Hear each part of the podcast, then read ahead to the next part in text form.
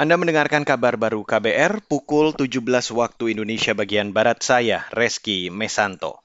Saudara Presiden Joko Widodo mendorong seluruh kawasan industri di Indonesia mempercepat program vaksinasi COVID-19 dosis ketiga atau booster.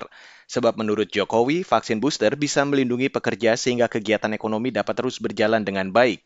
Hal itu disampaikan Presiden saat meninjau program vaksinasi booster bagi para pekerja sektor industri di Bekasi hari ini.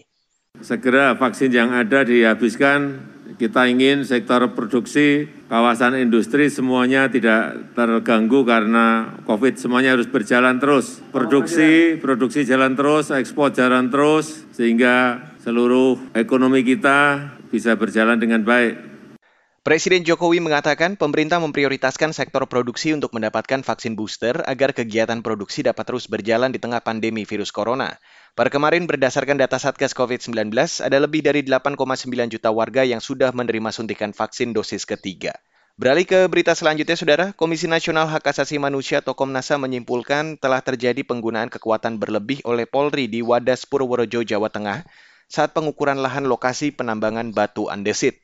Komisioner Komnas HAM BK Ulung Hapsara mengatakan kesimpulan tersebut didapat setelah lembaga penegak hak asasi itu melakukan pemantauan dan penyelidikan bahwa pada tanggal 8 Februari 2022 benar terjadi tindakan penggunaan kekuatan secara berlebihan atau excessive use of force oleh Polda Jawa Tengah yang ditandai dengan pengerahan personil dalam jumlah besar dan adanya tindakan kekerasan dalam proses penangkapan.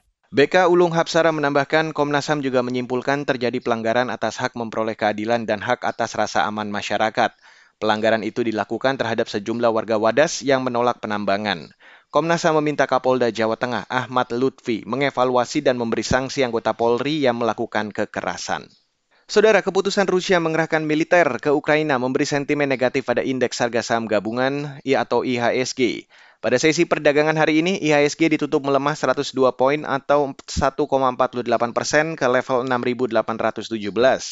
Total terdapat seratusan saham menguat, 490-an melemah, dan 80-an bergerak stagnan. Transaksi perdagangan hari ini mencapai 21 triliun dari 31 miliar lembar saham. Melansir IDX Channel, IHSG sempat anjlok hingga 2% persen pada siang tadi usai Presiden Rusia Vladimir Putin mengumumkan operasi militer di Ukraina. Sejumlah saham dengan kapitalisasi pasar besar terdampak karena investor asing memilih menarik modalnya. Dan saudara, Demikian kabar baru, saya Reski Mesanto.